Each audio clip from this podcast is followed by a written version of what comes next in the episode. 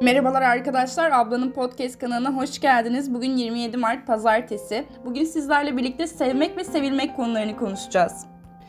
Arkadaşlar, benim gözlemlediğim kadarıyla sevmek iki türlüdür. Birincisinde emek verir, yıllarımızı geçirir, bir şeyler paylaşır ve nitekim sonucunda severiz. İkincisinde ise ki genellikle başımıza bu gelir ve bundan kaçamayız. Birini severiz ve onunla vakit geçirmek, ona emek vermek ve karşılığında emek sarf ettirilmek isteriz.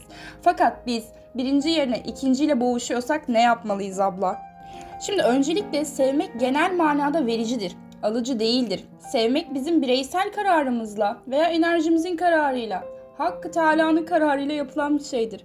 Yani birini seviyoruz diye aslında ondan sevgi beklememeliyiz.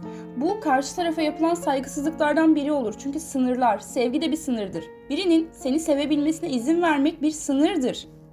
Birini seviyoruz diye onun hayatına öylece dahil olamayız. Öylece bizi sevmesini bekleyemeyiz. Bu biri için yapılan en büyük eziyetlerden biridir. Üstelik kendimizi öyle pozisyonlara sokarız ki hali hazırda bunu beklemeyen bir insana sevgi verdiğimiz için ve o bu sevgiyi kabul etmedi diye inanılmaz derecede çirkinleşebiliriz. O zaman ne sevgimizin bir kıymeti kalır, ne verdiğimiz uğraşın bir kıymeti kalır, ne de karşı tarafın kendi sınırlarını korumak için yaptığı hareketler neticesinde aslında kendi sınırlarını korumaya çalışması kalır. O yüzden benim size tavsiyem birini sevmeye kalkışmadan önce karşı taraf bunu istiyor mu yoksa istemiyor mu çok güzel bir şekilde belirlemeniz. Sevgiyi herkes ister. Sevgi başlı başına herkes tarafından istenen ve herkes tarafından aranan bir şeydir evet ama sevginin yanında getirdiği doğru orantıda ilerleyen sinir ve kıskançlık benzeri durumlar maalesef ki bazı zamanlarda sevgimizden o kadar büyük olur ki sevgimizi biz sahiplenmek ve aynı zamanda karşı tarafın sınırlarını ihlal etmek zannederiz.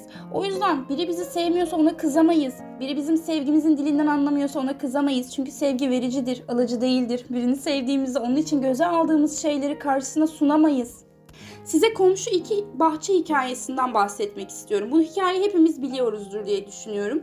Günlerden bir gün bahçeleri ortak olan iki tane komşunun kadın olan komşusu kendi bahçesini düzenlerken karşı tarafın da bahçesini düzenlemeye başlıyor. Karşı tarafın çöp, talan olmuş o bahçesini çok güzel, yaşanabilir bir hale getiriyor ve oraya limon ağaçları ekiyor. Adam hiç sesini çıkartmıyor. Günler haftalar ilerlerken kadın bu sefer bahçedeki meyveleri değiştirmeye, bu sefer limon yerine portakal ağacı ekmeye karar veriyor. Adam bu sefer kadının kapısına dayanıyor. Diyor ki sen benim bahçeme niçin limon ağacı ekiyorsun? Niçin benim bahçeme farklı farklı düzenlemeler getiriyorsun? Çünkü ben bunu senden talep etmedim. İyiliğini yaparken bunun kararını sen verdin ve bunun karşısında benim sınırlarımı çiğneyemezsin. Bu iyiliği yapmak ve nitekim sonuçlarına olumlu veya olumsuz katlanmak senin rızandaydı. İyilikle sevgiyi aynı kisveye koyabiliriz çünkü ikisi de karşılıksız olmalıdır. İkisi de önce bizim içimizden gel gelmeli ve onu değer bilmeyen birine yaptığımız takdirde geri sonuçlarına katlanacak kişinin biz olduğumuzu bilmeliyiz önce. Çünkü Sevgi verici biliyor musunuz?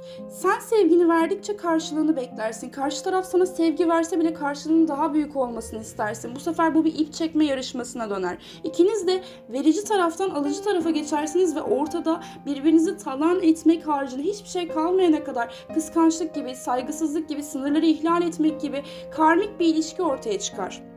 O yüzden benim size tavsiyem bir de benim yolumu dinlemeniz. Ben bir insanı severken veya bir insanı sevmek hususunda karar verici davranırken bu bir arkadaşım olsun, kendi kişisel hayatımdan bir insan olsun. Önce şunu düşünürüm. Onu sevmemem için bir sebep var mı? Eğer bu testten başarılı bir şekilde geçtiyse onu sevmem için bir sebep var mı diye düşünürüm. Yani bu ortak zevkleri paylaşıyor olmamızın haricinde kendisine koşulsuz verilen diğer sevgilerine nasıl davrandığı şeklinde ilerler. Örnek veriyorum onu koşulsuz seven ben haricinde kim olabilir? Annesi, babası, kardeşi. Örnek veriyorum gün içerisinde yine sevgiyi aynı oranda sağlamasa bile muhatabında olduğu diğer arkadaşları ve insanlar. Ona koşulsuz verilen sevgiye de karşı nasıl davranıyor?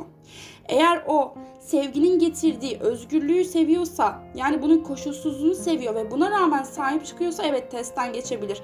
Ama o sevginin onda kısıtladığı şeyleri seviyorsa örnek veriyorum sevgi anlayışı çarpık bir şekilde oturmuş ve bu nedenle sevmeyi kısıtlamak sevmeyi kıskanılmak, sevmeyi sınırları çizmek zannediyorsa o zaman ona o sevgiyi vermeyi tercih etmiyorum.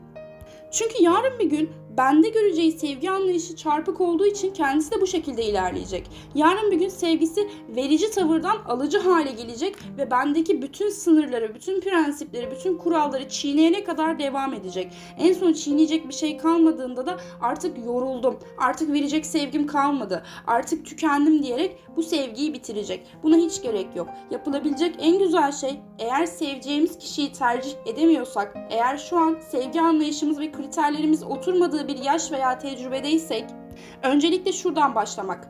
Onu neden sevmemeliyim? Onu neden sevmeliyim ve onu sevmemi sağlayacak şeyler nelerdir? Sevgi dilimiz ortak mı? Örnek veriyorum ikimiz de konuşmayı mı seviyoruz? Sevdiğimizi konuşarak mı belli ediyoruz? Örnek veriyorum ikimiz de dokunmayı, el ele tutuşmayı mı seviyoruz? Sevgi dilimiz bu mu? Kiminin sevgi dili konuşmakken kiminin sevgi dili susmaktır. Kimi sevgisini hediyelerle belli ederken kimi sevgisini kaçarak gösterir. Çünkü sevginin ne olduğunu tam olarak kavrayamamıştır, gözü korkar. Ama burada önemli olan şey sevgi anlayışı bebeklikten dahi oturmuş bir insanın sevgi anlayışını değiştirmeye çalışmak değil. Hayır bu maalesef ki çoğu zaman işe yarar bir yöntem değildir. Sevgi anlayışı ortak insanlar belirlemek. Nasıl ki arkadaşlarımızla seçime giderken belli kümelerden geçiriyoruz arkadaşlarımızı ve yakın arkadaşım, can dostum, sıradan bir arkadaşım diye seçiyoruz. Hayatımıza alacağımız insanları da belli kümelerden geçirmeliyiz. Yani yani kıssadan hisse. Eğer seveceğiniz kişiyi belirleyemiyorsanız o zaman sevginize ket vurmaya çalışın. Çünkü sevginizi sınırlandırmazsanız bir anda verir ve karşılığında da sevgi veya ilgi veya alaka beklerseniz bu sefer karşı taraf zaten sizin sevginizi göremez. O beni çok seviyordu. O beni sevdiği için yaptı. O beni sevdi ve ben karşılığında bunları ona vermedim demez. Ben onun beni sevmesini istemedim. Ben senin beni sevmeni beklemedim. Sana ben gelmedim. Bunlara kendin geldin. Bunları kendin yaptın der. O zaman olağanca sevginizde siz kala kalırsınız. O yüzden ablacığım yapman gereken en güzel şey sevgini sınırlandırmak, sevginin karşılıksız olması gerektiğini bilmek ve nitekim seveceğin insanları seçemiyorsan onları kendi kriterlerince testlere tabi tutmak. Bu benimle alakalı neyi hatırlıyor testi değil aslında.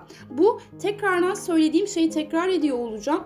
Lütfen lütfen karşılıksız edindiği diğer sevgilere nasıl davranıyor? O sevgilere sahip çıkıyor mu ve o sevgilerle de dili ortak mı diye kendi içinde analiz etmek.